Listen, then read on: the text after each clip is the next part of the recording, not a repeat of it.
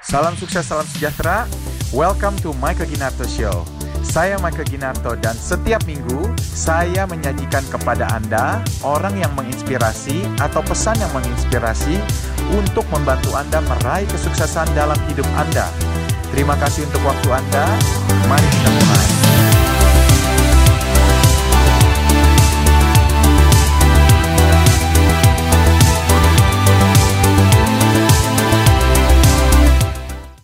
Kita ada bangun luas tipe 50 itu kita jual itu kurang lebih di 520 juta. Di dalam dua bulan. Solar Dua bulan sold out.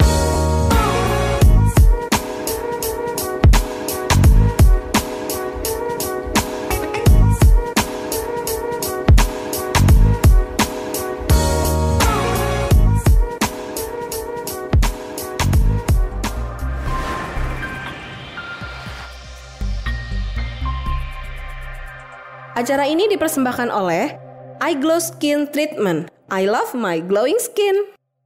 Semangat pagi sobat-sobat entrepreneur kembali lagi bersama saya Michael Ginarto. Pada hari ini uh, kita kedatangan tamu istimewa Mr. Hanto Joko Susanto. Luar biasa banget. Sobat-sobat entrepreneur, hari ini kita akan berbicara tentang property outlook di Indonesia. Oke, bagi yang belum kenal sama bos yang ganteng satu ini, Mr. Hanto, dia adalah CEO dari perusahaan namanya Alphaland dan juga Omega. Alphaland adalah suatu perusahaan properti yang telah berdiri sejak tahun 99 dan sekarang portfolio uh, projectnya banyak banget dan juga Omega adalah operator hotel yang juga memiliki 5 brand yang sangat amat keren banget. Nah, hari ini nih kita bakal belajar tentang properti. So, langsung aja kita ngomong sama bosnya, Mr. Hanto. Semangat pagi, welcome to the show, sir. ya terima kasih Pak Bagel Oke, so thank you nih sudah datang kita bisa talk about real estate ya. ya So, how are you? Oke very good I'm Good, fine ya? so, cerita sedikit dong tentang Alpha Land. Uh, Alphaland didirikan sejak tahun 1999 Yes. di mana itu merupakan awalnya itu salah satu divisi unit dari toko Alfa Gudang Rabat. Saat itu divisi ini ditugaskan untuk mencari toko-toko untuk Alfa Supermarket. Dilanjutkan kita ditunjuk sebagai construction management di mana kita mengawasi semua toko Alfa yang sedang dibangun. Di tahun 2000, kebetulan keluarga membeli satu mall di kota Medan, di mana kita namakan Plaza Millennium di tahun 2000. Nah, itu adalah bisnis kita pertama. Kita mengolah mall.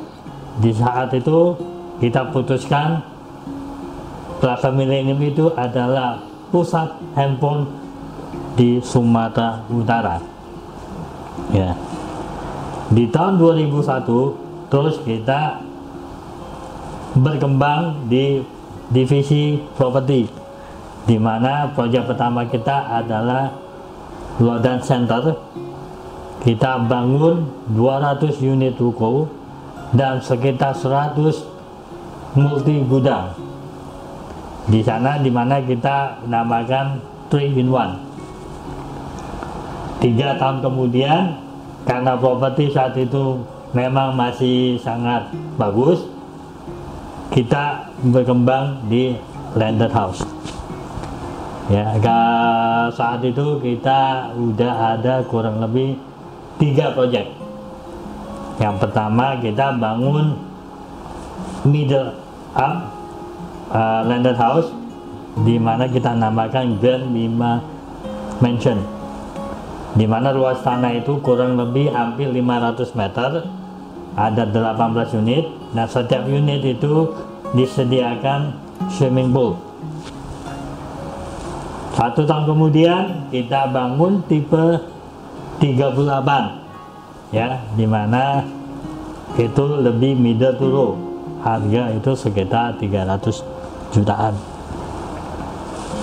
Makin eh, tahun berjalan tahun 2012 kami memutuskan untuk mengekspansi bisnis usaha kami ke operator hotel di mana kita namakan Omega Hotel Management. Oke. Hotel pertama yang kita dirikan itu adalah di kota Medan. Kita namakan Kodela. Tahun berikut kita juga terus mengembangi hotel Kodela yang ada di Cirebon, Jogja, Bandung, dan seterusnya. Saat ini kita ada lima brand yang sedang kita operate. Yang pertama itu adalah Kodela Express itu bintang satu. Kodela Inn itu antara sekitar satu dan dua. Kodela itu bintang dua. Grand Kodela itu bintang tiga. Dan juga coming soon itu ada dua brand yaitu Kodela Suite di mana kita fokus sebagai butik hotel. Dan brand terakhir itu adalah Signata itu nantinya bintang 4 ke atas. Kita juga ngolah uh, Alfa Resort yang ada di Cisarua Bogor. Wow, ya. Banyak banget ini. ya. Luar biasa, Pak. uh, Jadi Alpha Land ini sebenarnya didirikan berdasarkan uh, Alfamart kali ya. Alpha Supermarket gitu ya. Alfa Supermarket Which is yang punya Alfamart. Gitu ya kurang Ya. lebih ya. Nah, Alfamart ini kan chainnya udah banyak ya. Sekarang cabangnya udah berapa, Pak? kalau kita bicara dengan jumlah outlet Yes. kita saat ini kurang lebih ada sekitar 14.000 Toko. 14.000 toko ya dalam merek Alfamart. Alfamart I see. Kalau Alfamidi beda lagi. Alfa Midi beda lagi Alfamidi berapa? Alfa Midi kalau tidak satu kurang lebih sekitar 1000 sampai 1500 1000 sampai 1500. Bedanya apa sih kalau Alfamart sama Alfamidi? Kalau Alfamart itu memang dia lebih fokus ke minimarket, di mana Alfamart itu tidak menyediakan fresh food atau uh, buah-buahan. Sedangkan Alfamidi mereka menyediakan buah-buahan sayuran. Oh, Oke. Beda-beda. Dan luas tokonya juga agak lebih besar Alfamidi. Kayaknya beda 2-3 kali lipat ya kalau Ya, Alfamidi lebih besar ya. Nah, Kalau Alfamart itu kebanyakan you sewa ya, bukan punya ya. Kalau Alfamidi mungkin you beli ya Oh, tempatnya ya. Kalau toko semua Semua sewa. Alfamart, Alfamidi sewa. Oh, I see, I Nah. Wow, jadi kalau Alpha Land ini jadi yang pertama proyek pertama di Medan itu toko handphone ya. Ya, pusat handphone Millennium Center. Millennium Center. Terus setelah itu eh, bangun yang Lodan. Betul. Lodan lo, luas tanahnya berapa, Pak? Eh, kalau tidak salah kurang lebih 10 hektar. 10 hektar ya. Ya. Saya tahu persis itu di Lodan karena anak saya waktu playgroup sama TK sempat di Universitas Bunda Mulia tuh ya. Itu termasuk dalam kawasan Alpha Land juga berarti ya? Betul. UB- UBM ya. Ya, kawasan. I see. Kalau Alpha Land membawahin UBM juga nggak? Tidak. Oh beda lagi Beda. entitinya. Ah, beda. Bagaimana Pak itu? ah, apa waktu memutuskan bangun itu marketnya memang lagi bagus atau eh, kondisi ekonominya lagi bagus, jualan properti gampang, you mulai bisnis itu atau bagaimana coba? Ya memang waktu itu kita mulai start bangun itu sekitar tahun 2001 Hmm. Lodan Center yang pertama. Hmm. Dan memang kebetulan waktu itu pasar ekonomi properti itu memang sangat bagus. Sangat bagus ya, Ya. momentumnya ya. Momentumnya tepat sekali. Sampai hingga di tahun 2008 Mhm. di mana kita juga eh, ada sedikit mengalami eh, krisis Ya. moneter ya Mhm. mungkin itu juga dampak dari Amerika Serikat kita juga kena dampaknya di tahun 2008 Hmm. nah itu saatnya properti memang sangat slowing down Tetapi ya puji syukur di dalam satu dua tahun bisnis properti mulai bangkit kembali di tahun 2010 Hmm. hingga sampai tahun 2013 kita mengalami krisis lagi. Seperti contoh dari tahun 2002 sampai 2007 itu satu bulan tuh kita bisa jual sekitar 10 sampai 15 produk. Begitu kita masuk di tahun 2008 kalau bisa jual 5 produk di dalam satu bulan itu boleh dibilang Superstar. superstar. Gitu ya. Nah, Parah banget ya. betul.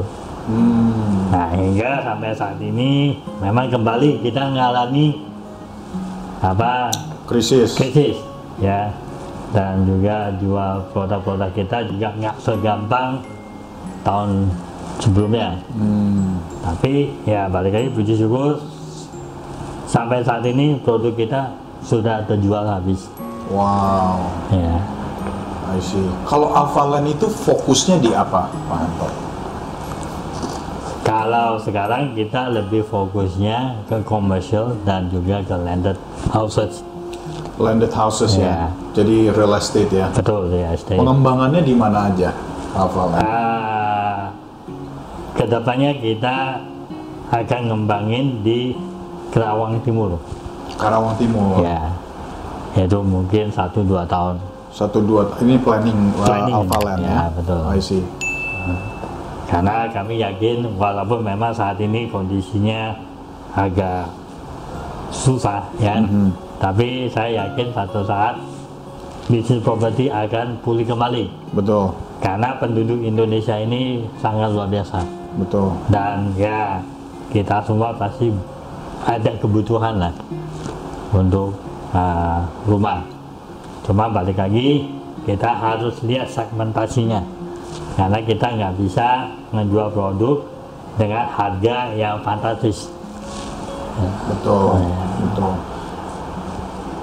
Jadi kalau Alphaland bangun perumahan kebanyakan ya. Nah, betul. Perumahan, pergudangan juga main Ya. Pergudangan sama Uh, ruko. Sama ruko-ruko juga Ya, main ya. ruko-ruko. I see. Sekarang titik fokusnya di mana? Karena sekarang kan eranya Pak Jokowi ya yang akan segera dilantik itu maksudnya eh, arahnya ke mana eh, pertumbuhan ini? Apakah Alphaland punya strategi khusus? Lihat eh, Pak Jokowi mau bangun jalan tol nih, mau bangun bandara nih, yuk mau bangun di sana atau bagaimana yuk memutuskan ini lokasi yang bagus kita mesti punya land bank yang cukup supaya untuk mengantisipasi per- pertumbuhan penduduk di sana atau gimana Pak? Ya, pasti kita akan uh, pelajari semua titik kota yang ada di Indonesia.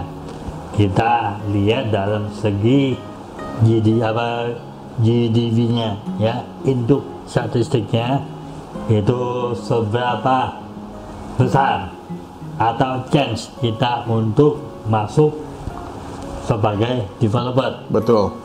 Nah, kita lihat di sana juga dan juga lihat kebutuhan masyarakat setempat.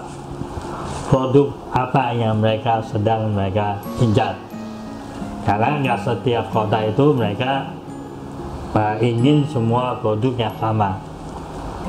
Contoh, uh, misalnya ada developer atau pengembang yang besar, kalau masuk ke kota yang agak kecil atau pelosokan itu belum tentu laris di ibu kota belum tentu Hmm. karena kadang produk yang mereka tawarkan itu tidak sesuai dengan segmentasi mereka ya. Ada formulanya nggak Pak? Bapak lihat dari statistik pendapatan perumahan per kapita atau lihat dari dari apa sih eh, indikator-indikator sebelum you masuk ke dalam satu lokasi? Ada Oh, indikator iya, tertentu nggak? Misalkan eh, ada perusahaan besar mau buka pabrik di sana atau apa sih indikator yang you cari sebelum memutuskan Ah. lokasi ini? Oke, kita bangun di sini dan ini produk yang kita tawarkan. Nah, satu memang kita lihat per kapitanya ya Jumlah penduduk Ya. penting nggak?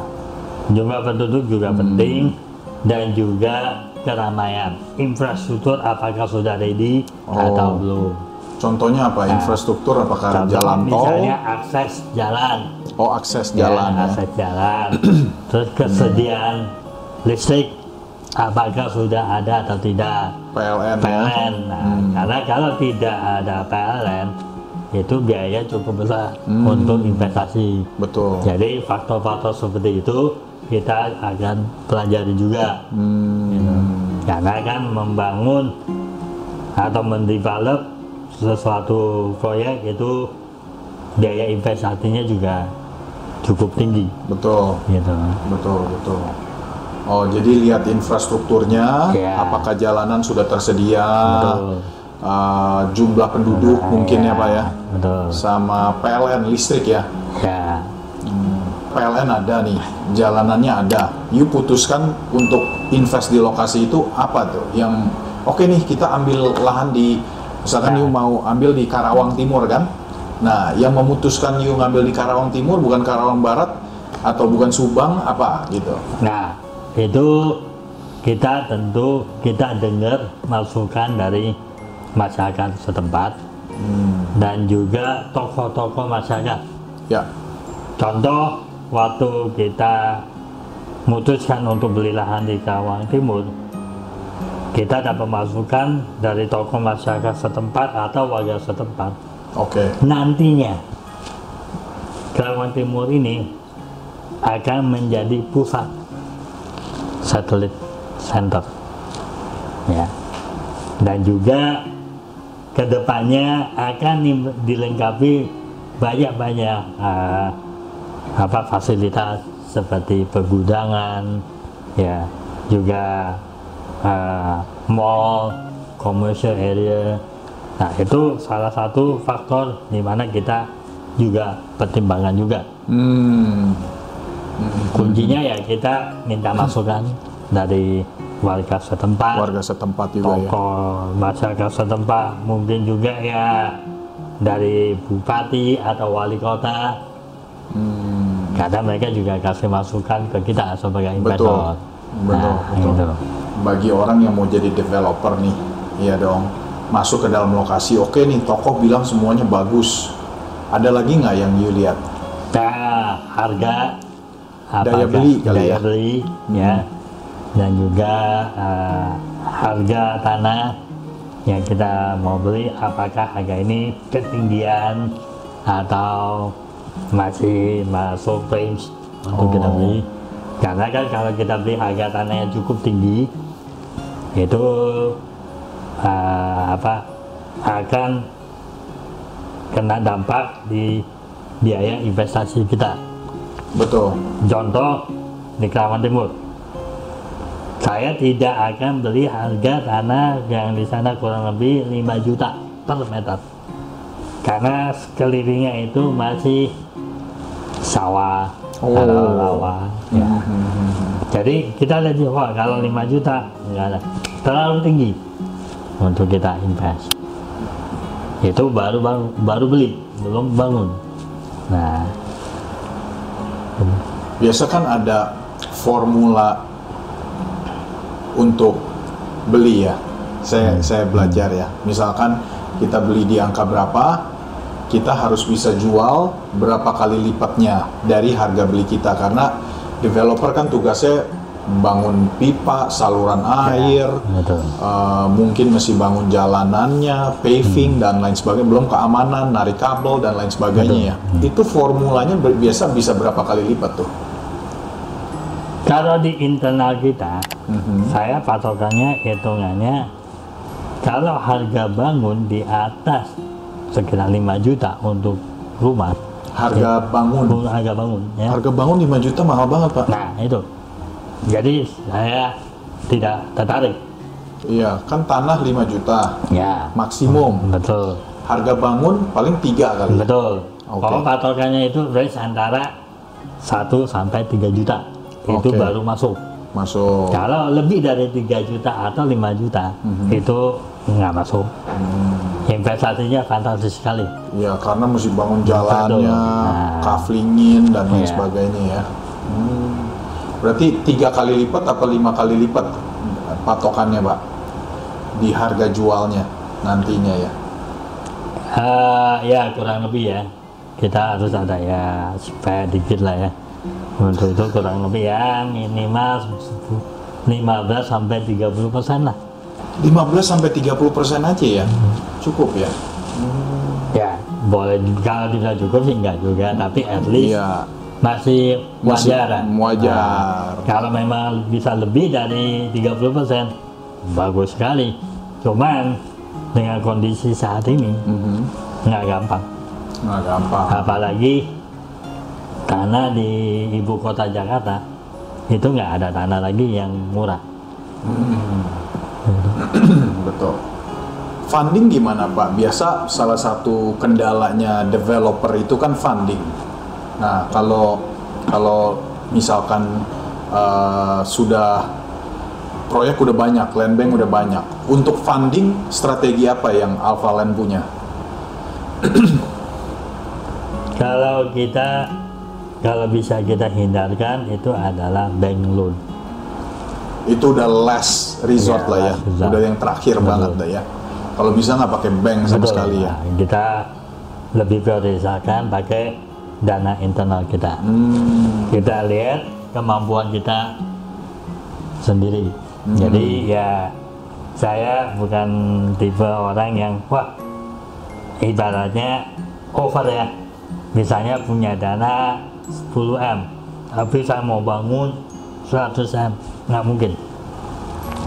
Kita bangun seadanya. Kalau misalnya dana ada 10 m ya sudah, itu aja yang kita pakai dulu. Nanti lihat bagaimana hasil penjualannya. Kalau ada dana lebih, kita pakai lagi untuk develop lagi. nggak leverage Pak. Enggak. Oh gitu ya. Jadi you boleh dibilang konservatif sekali ya. Soalnya kalau kita ya bangun dengan dana bank, itu kalau bisa bayar bunga aja itu boleh dibilang super. Oh gitu ya. Hmm, Karena kalau kita ya bangun harus nyicil bunga, itu cost juga. mm-mm. yang tadi you bilang oh bisa enam kali untung atau apa ya belum tentu bisa karena ini ada Situasi pasar memang Iya. kondisinya begini ya. Iya. kalau bisa kita hindarkan kita hindarkan Benar. tapi tetap ada opsi bank loan cuman ya jelas lah Hmm, gitu Benar-benar. karena ya kita juga nggak mau jojoran bangun sesuatu tapi memang produknya yang tidak bisa diterima oleh pasar itu resikonya juga ada Kalau Alphaland mau jadi developer, pasarnya seperti apa Pak? Dan brand positioningnya itu Alphaland itu untuk bangun project-projectnya itu di kelas kelas apa kategori apa menurut menurut you? Kalau saya bicara kondisi saat ini, saya akan fokus kelas menengah. Itu kategori menengah itu Ya. price range-nya Ah, berapa? price-nya itu Ah. maksimum itu di harga 1 m, Maksimum. maksimum. Jadi Minimal produk termahalnya Ya, itu satu miliar. Betul. Oh, Kondisi saat ini ya. yes. Karena ya produk-produk kita yang sudah kita ada, ada kita sudah jual itu rata-rata di bawah 1 m dan itu cepat Muter ya. mudah. Oke. dibandingkan kita jual produk di atas 1 m itu wah lambat sekali Price range-nya berapa? Antara berapa sampai berapa?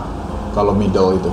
Itu sekitar 500 sampai Oke. satu lah Dan tipe rumahnya seperti apa yang tipe dijual? rumah itu yang kita sedang bangun itu contoh di Cirebon kita ada bangun luas tipe 50 dua bedroom satu kamar mandi itu kita jual itu kurang lebih di 520 juta di dalam dua bulan solar Dua bulan sold out. Wah kerendahan jualnya. Kar- karena ya itu segmentasinya mereka ya ke sana Hmm, dua bedroom plus satu bathroom. ya Itu tipe 50 luasnya berapa kali berapa tuh Pak? luas tanahnya itu 72 72 520 sold out. Sold Berapa unit total? Itu eh, kurang lebih memang nggak banyak ya. Itu kalau nggak kurang lebih 20 unit. Hah? 20. Oh 20 unit. Tapi kalau kita bicara total yang Ya. di Cirebon itu kita ada kurang lebih 64 unit. 64 unit. Ya. Iya, iya, iya. Ya. Cepat sekali ya, satu dua bulan habis ya. Ya. Itu apakah dikasih plafon eh, pakai bank biar lebih cepat atau gimana, Pak? Enggak, memang situasi Situasinya Pasar memang- di sana pasar ya di sana gitu. emang segituan ya, kita nggak bisa jual lebih dari 500 500-an juta. tuh. Nah, Iya. berat. Hmm, Ya. I see, I see. Ada proyek lagi Pak di mana untuk Alphaland? Ya tahun depan kita akan segera develop di Kerawang Timur. Luas tanahnya berapa land Luas sana itu kalau nggak salah 27 hektar Wah besar. ya. Mhm. Tapi kita nggak sekaligus bangun, kita bertahap. Ya. Nah, dan saya akan lebih fokus balik lagi ke landed houses, Hmm. di mana kita akan jual rumah di bawah 1 m. Di bawah 1 m. Ya. Kalau jual rumah itu ada strategi khusus nggak Pak? Apakah ada pre-launch? Apa? Ada ya kita ya awalnya jual gambar, ya. Nanti setelah ini lihat kita berapa persen terjual, nanti kita ya launching. Nanti juga ada sales gathering, Hmm, ya kita akan undang beberapa agents agent dan lain ya, sebagainya ya. untuk berbagi-bagi produk knowledge Yes, mereka. yes. Biasa berapa persen Pak laku sold out dan dalam waktu berapa lama? Untuk indikasi, wah ini marketnya hot nih. Tergantung Hmm. segmen lagi. Hmm, hmm, hmm. Tapi ya saya bisa share sedikit yang apa kita pernah ngalamin. Waktu lodan kita bangun itu awal tahap pertama itu kita bangun yang nama ruko tiga lantai. Itu sekali bangun kita hanya bangun kurang lebih 20 unit Mhm. bertahap. Ya. Kalau 50% terjual, di sana baru saya bisa bilang hot market. Oke, jadi memang target marketnya di medium Medium. project yang 500 antara 500 sampai 1 Betul. miliar ya. Ya. That's the best. Itu bakal strateginya Alphaland terus ya.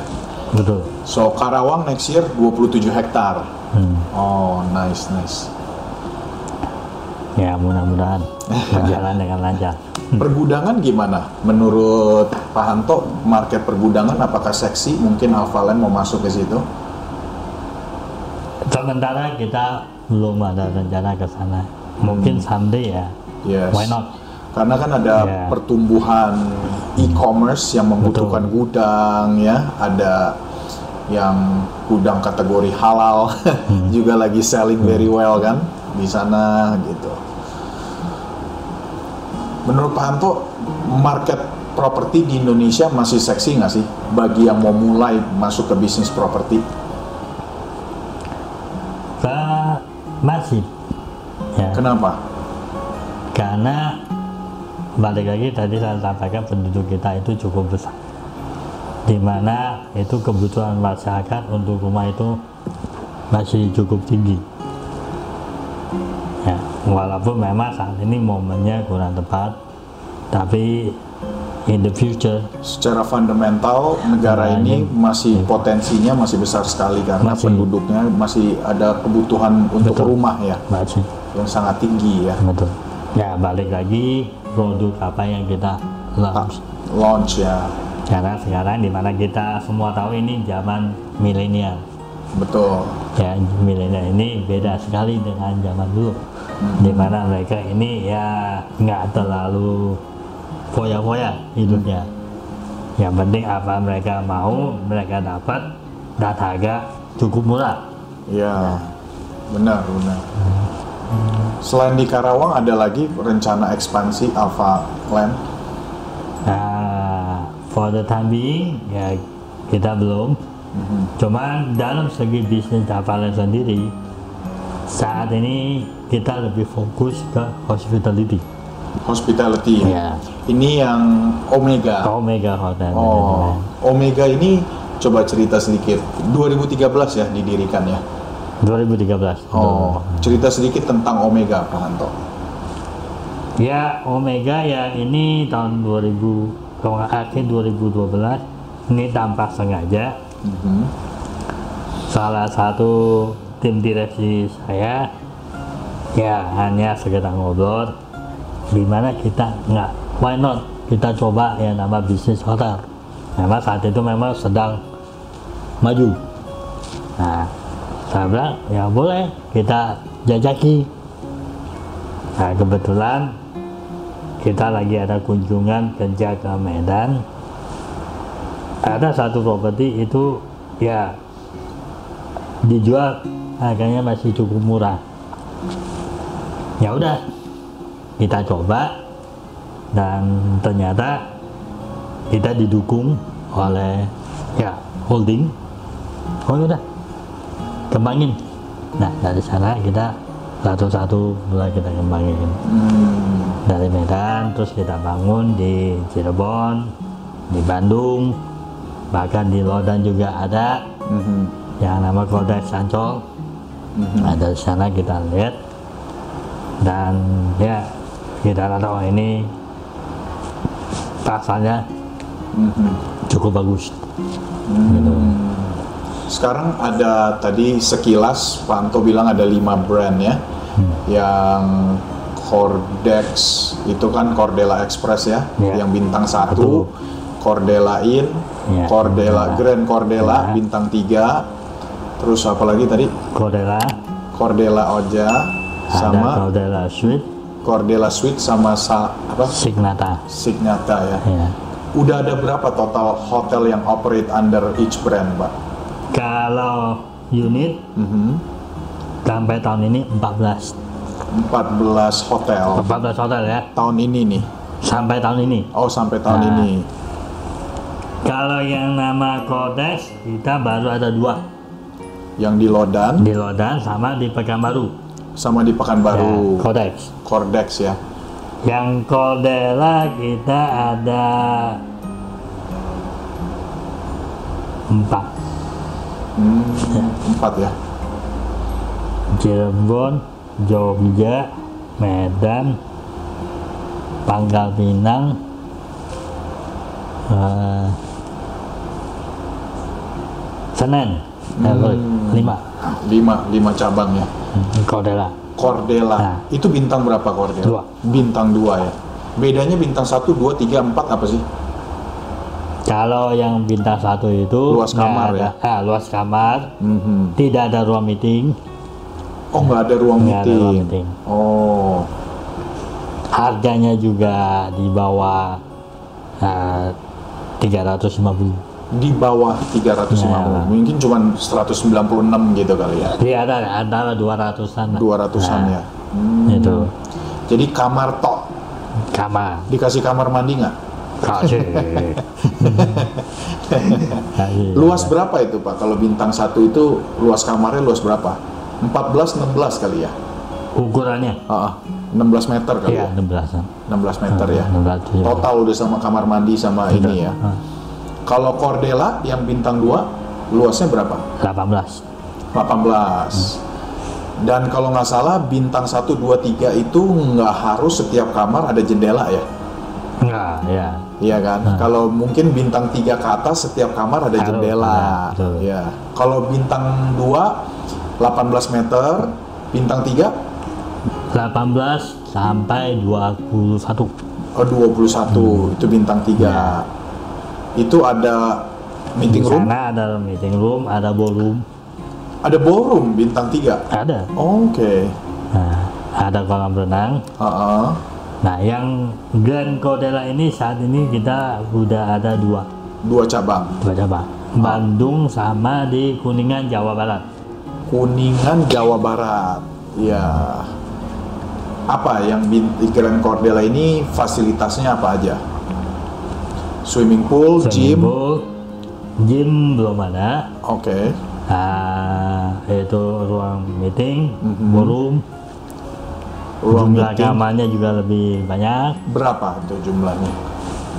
kalau nggak salah minimal itu kita harus ada 110 minimal Minimum 110 untuk jadi bintang 4. Ya, dan ada swimming pool juga ya. Kayaknya itu wajib ya. ya Yes. Bintang 5 belum ada ya? belum Belum ya. ya kita ngundang ya para investor jika memang ingin bangun Hmm. ya kami Omega Hotel Management sebagai operator siap menggandeng anda sebagai partner kami Oke. Oh, berarti kalau Cordela ini adalah hotel management system di mana you menyediakan platformnya ya dan juga full management uh, dari segi service, betul segi apa aja tuh. Tentu awalnya dari software yang kita punya ya Bikin sendiri ya software bikin sendiri in house ya. betul SDM kami yang bantu rekrut SDM juga. Ya. Oke. dan juga eh, apa kita juga akan bantu anda dari awal setup sampai opening Oh, di dibimbing ya. dibimbing Dipandu Nah, ya dari awal ya. betul kita ya ada nama tim technical operation Mhm. pre-opening team Yes. kita ada yang namanya QA ya Hmm. di mana kita akan bantu uh, untuk monitor unit-unit Mhm. investor Ya. ya dari sana Oh, oke oke oke oke. Sekarang yang punya sendiri sama yang you manage ada berapa, Pak? yang milik kita sendiri saat ini kita ada delapan Oh, yang enam yang enam itu milik investor investor, yang you bantu operate semua ya. betul nah, Dibanding operator lain, Cordela apa nilai tambahnya? kita uh, salah satu operator yang menyediakan digital 4.0 yang Oh. udah diakui oleh Yes, yes. pihak investor ya. Kita lebih banyak apa menyediakan itu yang namanya digital.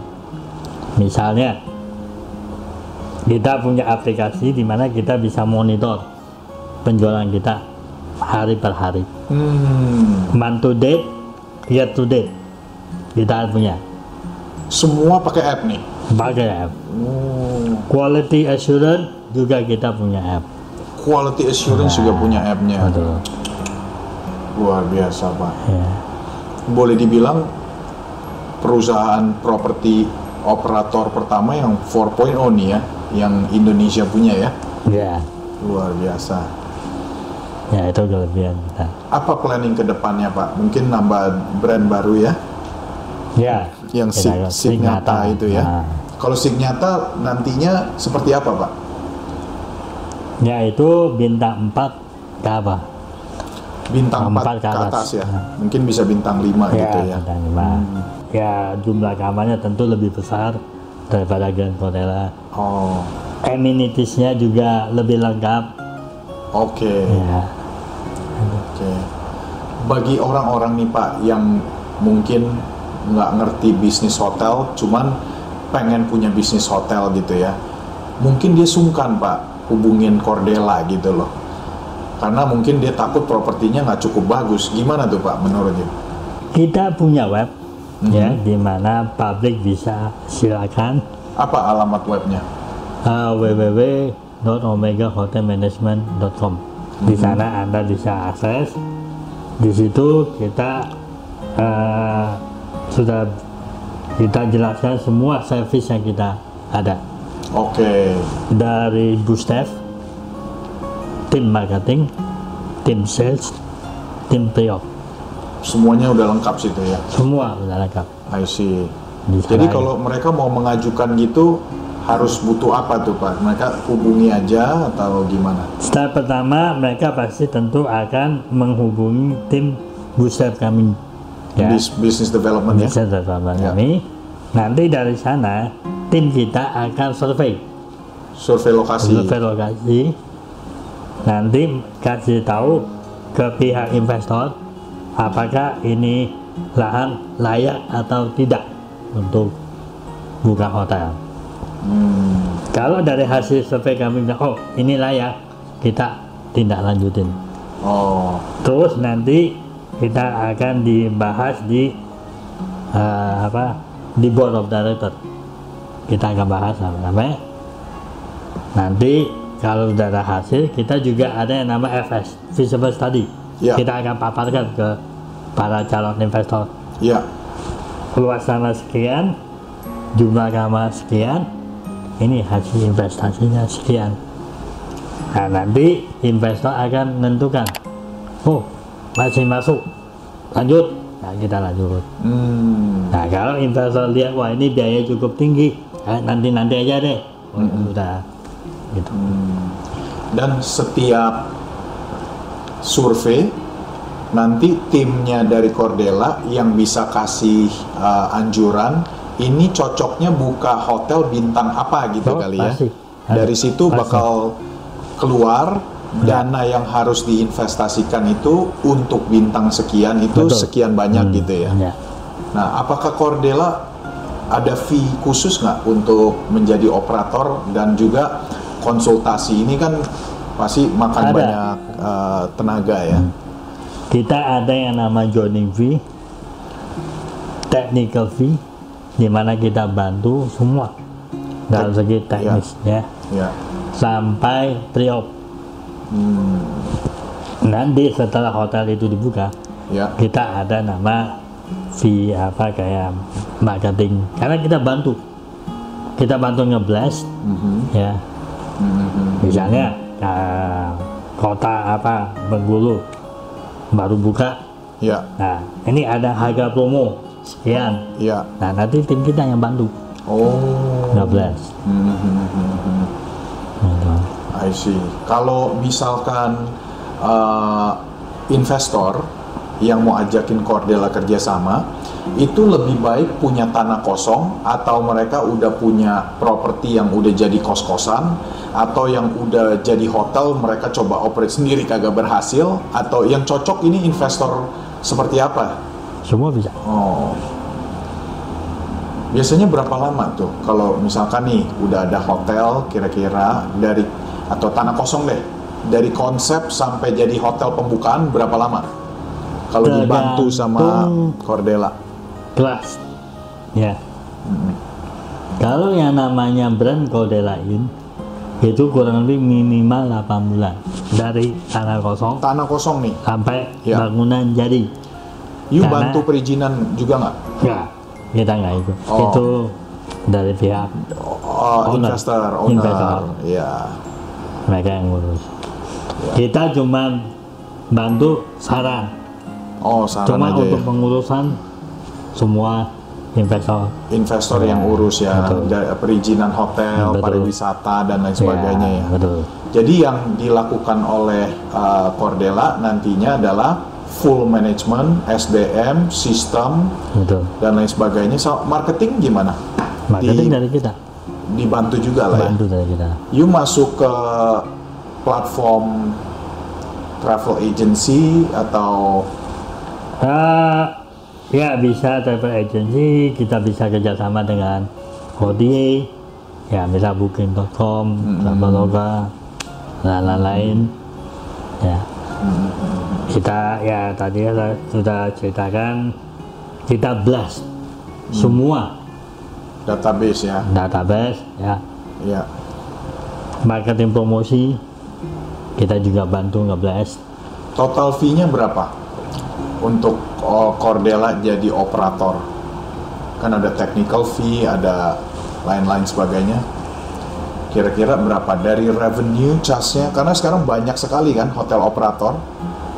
kalau yang namanya joining fee sekali Joining fee sekali aja, Sekali. itu nominalnya itu berapa? nominal tergantung Luas tanah? luas sana sama brand Oh, nah terus terang ya saya nggak tahu apa detailnya ya Iya. tapi yang nama joining fee sekali one time. one time one shot Dapat apa joining fee? ya joining fee itu ya kita daftar ya nanti kita buatkan LOI Mhm. nanti kalau semua ada ini itu ada namanya MA Ah, apa ag- ah, agreement ya Mm-mm. betul Ya, ya, ya. pre-opening fee juga sekali. Oh, Ya nama monthly itu nanti marketing fee. Itu, itu monthly. dari, Dari fee eh. operator apa beda lagi? Kan ada ya, ada salah satu brand tertentu ya, uh, dia punya hmm, fee itu 30% dari revenue fix. Karena alasannya 30% dari revenue adalah 18% itu biasa dia kasih untuk uh, travel agency. Jadi kayak misalkan dia masuk ke brand kayak Traveloka, masuk ke booking.com, masuk ke banyak ya yang lain sebagainya. Itu udah pasti habis buat mereka agency. Nah, 12% margin ini ambil buat amenities. Amenitiesnya mereka yang sediakan semua. Jadi kayak sabun, shampoo dan lain sebagainya gitu loh. Paling mereka left with very ya mungkin 10% ke bawah lah. Kita ada fee cuman kayaknya kalau nggak salah nggak setinggi itu nih. 6% biasanya ya. 6 sampai Angga besi saya kurang hafal. Oh. Karena ya ada tergantung tim. brand juga ya. Betul, tergantung brand juga. Karena bintang 1 2 3 4 Beda. eh beda fee beda lah ya. fee. Oh, Karena saya nggak bisa langsung pukul rata. pukul rata. Iya. Karena misalnya bintang satu, kalau misalnya kamarnya cuma 30, Mhm. saya nggak mungkin langsung samain dengan harga jumlah kamar yang lebih besar. Betul. Investor pasti teriak. Mhm. Nah, Benar, benar. benar. Jadi yang 6 investor ini gimana Pak? Eh, occupancy rate-nya rata-rata di angka berapa? Sampai saat ini di atas 60 persen. Di atas 60% ya. Kalau penasaran nih, kalau BEP di angka berapa sih Pak buat operations dan lain sebagainya? Mesti berapa? 20% bisa ya? Ya kalau bisa lebih lah. Hmm. Biasa you sebagai operator kan ada benchmark. Iya. Kalau you harusnya sih segini nih untuk BEP. Kalau kita bicara jangka waktu itu minimal Mhm. lima tahun. Lima tahun Nah, harus bisa BEP. BP, Ya. di mana kita layak, layak, oh ini layak untuk buka. Hmm. Tapi balik lagi, bintang apa? Hmm. Kalau bintang satu itu minimal itu tiga tahun. Hmm. Kalau BIP-nya di atas lima tahun itu nggak layak. Oh. Nah, Ya, jangan pakai Cordela lah kalau cuma Ya. tiga tahun ya kan. Jadi dari nilai investasi tiga tahun balik modal nih. ya, Berarti kurang lebih 33% setahun lah ya. ya, Ya, net lah ya. I see. Kalau occupancy rate yang yang bisa BEP-nya cepat itu untuk cover operating expenses itu di berapa persen, Pak? 40 Bisa 40 persen bisa. Bisa. Oh. Tapi nggak tiap ini ya tergantung uh, location ya keramaian dan juga season. Hmm. Kalau lagi Ya. season liburan, oh, Wah, naik ya. naik. Benar, benar, benar. Nah, Harapannya Omega sama Alphaland apa nih ke depannya nih? ya kalau Valen ya kami berharap kami bisa dipercayai oleh masyarakat setempat ya. Nah, kami mohon doa dan dukungan di mana kami berada. Ya, kita memberi komitmen akan bangun sesuai keinginan masyarakat setempat. Begitu juga Omega Hotel Management sebagai operator kami bisa dipercayai oleh masyarakat setempat maupun investor Hmm. ya karena kita terus berkomit agar kita akan memberi pelayanan yang terbaik Terbaik ya. Yes, karena hotel ini kan jasa betul. ya customer service is our priority Hmm. Apa nih tagline-nya Cordela? Ada tagline khusus nggak? ada beberapa cuman yang saya hafal itu good place best value Wih, good place, best value. Iya. Kalau Alpha Alphaland Pak? building Mhm. in harmony. In harmony. Iya. Wah, bagus, bagus, bagus. Saya pengen tanya-tanya sedikit tentang kebijakan ekonomi yang sekarang dan juga prospek marketnya ke depan. Menurut menurut you ekonomi sekarang ini kan ya setiap orang kan udah tahu lah kita lagi mengalami uh, perlambatan lah gitu loh. Nah ini bagaimana cara menyikapinya dan juga menurut you uh, apakah ada peluang di balik tantangan yang kita hadapi sekarang? Ya kalau menurut saya itu pemerintah pusat dan juga pemerintah setempat maupun dari gubernur, wali kota, bupati itu harus kerjasama yang baik Betul. dan juga harus sinkron. Mhm.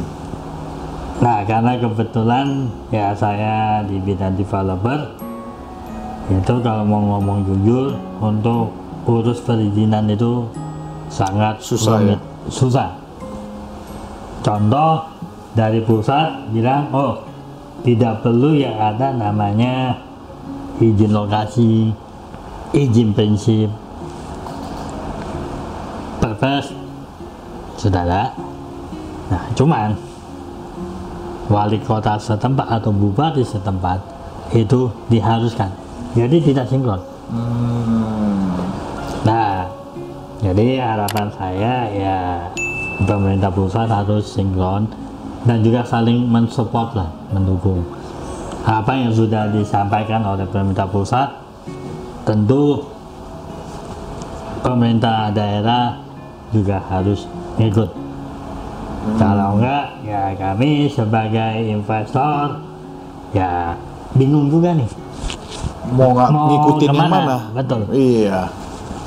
Ya harapan kami ya semoga ke depan ya harus sinkron. Apakah Alphaland akan go public one day? One day, yes. Kenapa? Ya, karena terus terang nama kita ini sekarang udah lumayan terkenal ya, brand kita, awareness kita. Jadi udah kepala tanggung. Hmm. Jadi kita kalau mau sekali kita besarkan, ya sudah, Go public sekalian, go bagus sekali. bisa besar sekalian ya. Ya saya nggak ngomong besarnya, tapi someday lah Someday. itu planning saya. Uh, planning ke depannya go planning ke public depan. ya. Even though dengan apa Omega Hotel Management, Mhm. kami juga rencana go public. Oh, Karena ini dengan adanya investor yang cukup banyak peminatnya ya. peminatnya, saya yakin ke depannya dan kita Hmm. bisa lebih diminat lagi. Ah, definitely lah. Ya. Iya kan. Oh, Kenapa pilih namanya Cordella? Ada arti khusus gak? Cordelia sebenarnya nama asli itu Cordelia. Dari nama bunga atau apa itu? itu ya saya nggak tahu itu bahasa Latin atau Spanish ya waktu awal kita mau buka di divisi ini kita undang beberapa konsultan nah konsultan ini yang beri nama Cordelia itu diartikan warm hospitality Oke, ada artinya ya. Ada, Warm warm hospitality. karena orang kita itu nggak bisa sebut Cordelia. Cordelia aja jadi kita singkat Singkatin Cordella. Ah, gitu ya. itu historinya Oh, oke oke oke. Udah gitu good place, best, Best value lagi. Luar biasa. Bagi yang mau nyobain tinggal di Cordella, cabangnya di mana aja? Ingat semua nggak? 14 cabang loh. ya ada di Jakarta Cirebon Jogja Bandung Pekanbaru Kuningan Pangkal Pinang Hmm, Medan paling banyak di mana? Palembang Bengkulu Di Jakarta kali ya. Apa setiap Ah. kota satu dua? Apa? sekarang lebih banyak di Sumatera Oh Medan. nah Medan Palembang Medan aja ada dua Oke, nah, tahun depan ada tambah atau jadi tiga tiga ya. itu ada lagi di Palembang Mm-mm. Pekanbaru, Pangkal Pinang, Bengkulu, Oh, nah, Lubuk Linggau, wow. ya, tahun depan. Bahkan kita ada di Papua, Papua. Oh. mungkin tahun depan. Hmm, Karena ini lagi proses pembangunan. I see. Kayaknya nilai tambah yang saya bisa lihat dari yang Cordella tawarkan itu adalah digital 4.0 itu ya, yang mungkin operator-operator lain masih mau nyoba ngejar ya. Ya, saat Iya, ini ya. Saat ini ya. You kayaknya pelopornya di 4.0 itu Ya, ya. kita nah, number one lah. Number Deli- one ya. Nah, Belajar banyak nih tentang properti dan juga property market di Indonesia fundamentalnya masih sangat bagus. Ke depannya juga uh, siapa pun yang pegang tahta kepemerintahan, fundamental itu tidak akan berubah ya. Iya. Karena orang pasti dari berbagai macam suku pasti butuh tempat tinggal kan. Betul. Jadi sebenarnya ini bisnis tanpa resesi, anti resesi ya. Cuman kita harus pinter-pinter milih Iya. segmen pasarnya saja ya. Dan juga yang kedua mungkin dari segi uh, nilai tambah harus jelas ya. ya. Uh, memberikan kualitas yang Betul. bagus, juga Produk yang juga harus jelas. produknya juga jelas. Ada pesan apa nih bagi uh, para audiens nih, bagi yang mungkin nomor satu mau memulai bisnis properti, ya, ada pesan khusus nggak dari Pak Hanto? Kalau saya sebagai developer, untuk teman-teman yang di bidang developer, ya saya menghimbau kepada rekan-rekan semua memberi produk yang terbaik kepada konsumen Anda dan juga komitmen terhadap konsumen. Contoh, misalnya jikalau Anda bilang mau bangun ini, Anda harus lakukan. Jangan eh, menipu kepada konsumen. Kita harus komit. Kasih PHP jangan ya. Kalau bagi yang uh, orang-orang yang mungkin mau mau jadi developer deh, apakah anda menganjurkan apa jangan deh jangan jadi developer menurut gimana? Oh ya, tetap ya karena ini kan pilihan masing-masing. Tapi saya yakin developer ini masih ada peluang, walaupun saat ini timingnya kurang tepat. Hmm, Tapi saya yakin ya 3 sampai 5 tahun ke depan developer atau bisnis properti ini bisa membaik. hmm, hmm, hmm, hmm, hmm. yes. Ya. Bagi yang mau cobain Cordella gimana tuh? Nginap atau bangun? Eh, dua-duanya. Wah. Iya. ya percaya kepada kami sebagai operator Ya. kami komit untuk memberi pelayanan yang terbaik kepada customer maupun kepada investor kami hanya bukan belagak Hmm, tapi kami memang terus membantu untuk anda berinvestasi di hotel Dan terakhir nih, you kalau nggak salah baru menang penghargaan ya. Boleh cerita sedikit nggak? You menang penghargaan apa tuh? ya itu digital 4.0 Ini penghargaannya Digital 4.0. Hmm, Oh, dari Indonesia Property Award Indonesia Property Award ya. ya. Wow, congratulations. Well, oke. Sekian uh, perbincangan saya bersama CEO dari Alphaland dan juga Omega Group uh, yang sangat fantastis.